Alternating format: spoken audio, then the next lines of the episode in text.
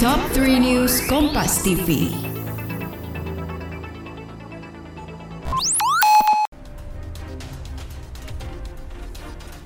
Halo sahabat Kompas TV, bertemu lagi bersama saya Dea Davina.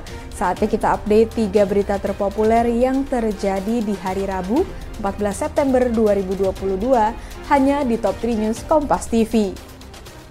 Berita yang pertama, sahabat Kompas TV, ini masih soal hacker Bjorka. Pemerintah mengklaim bahwa mereka sudah mengantongi identitas dari hacker Bjorka dan juga mengungkap motif peretasan data oleh hacker Bjorka yaitu atas dasar ekonomi. Dalam rapat tertutup yang digelar Kemenko Polhukam, Kemenkominfo, Polri, BIN, dan BSSN, pemerintah meminta agar masyarakat tetap tenang. Menko Polhukam Mahfud MD memastikan sebagai bentuk keseriusan, pemerintah membuat satuan tugas penanganan kasus peretasan.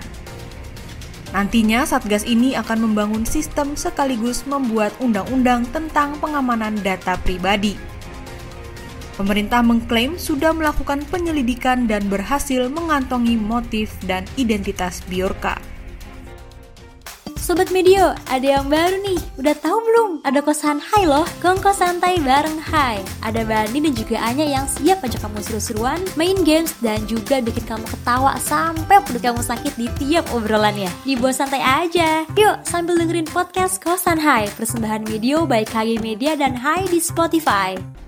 Selanjutnya, sahabat Kompas TV, anggota Komisi 1 DPR RI, fraksi PDIP Effendi Simbolon, akhirnya meminta maaf atas pernyataannya yang menyebut TNI seperti gerombolan melebihi ormas. Pernyataan anggota Komisi 1 DPR RI, fraksi PDIP, Effendi Simbolon, yang menyebut TNI seperti gerombolan melebihi ormas, menuai polemik. Meski akui pernyataannya tak elok, Effendi mengklaim tujuannya kala itu hanya untuk mengkonfirmasi isu perselisihan antara Panglima TNI Jenderal Andika Perkasa dan KSAD Jenderal Dudung Abdurrahman.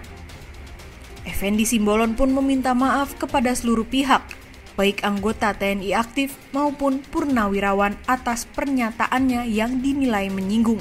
Kapolda Metro Jaya Irjen Fadil Imron membantah pihaknya melawan Mabes Polri karena berencana memberikan bantuan hukum kepada AKBP Jerry Siagian terkait sidang banding kode etik.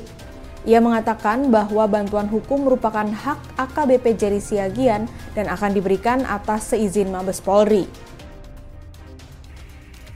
Fadil menilai bantuan hukum untuk banding merupakan hak bagi AKBP Jerry Siagian.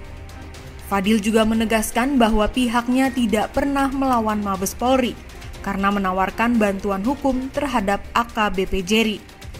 Selain itu, ia menegaskan pihaknya mendukung putusan sidang kode etik dan hanya akan memberi bantuan hukum untuk AKBP Jerry Siagian atas seizin Mabes Polri. Nah sahabat Kompas TV itu dia tadi tiga berita terpopuler yang terjadi hari ini. Sekarang saatnya saya Dea Davina pamit undur diri. Sampai ketemu lagi di Top 3 News selanjutnya.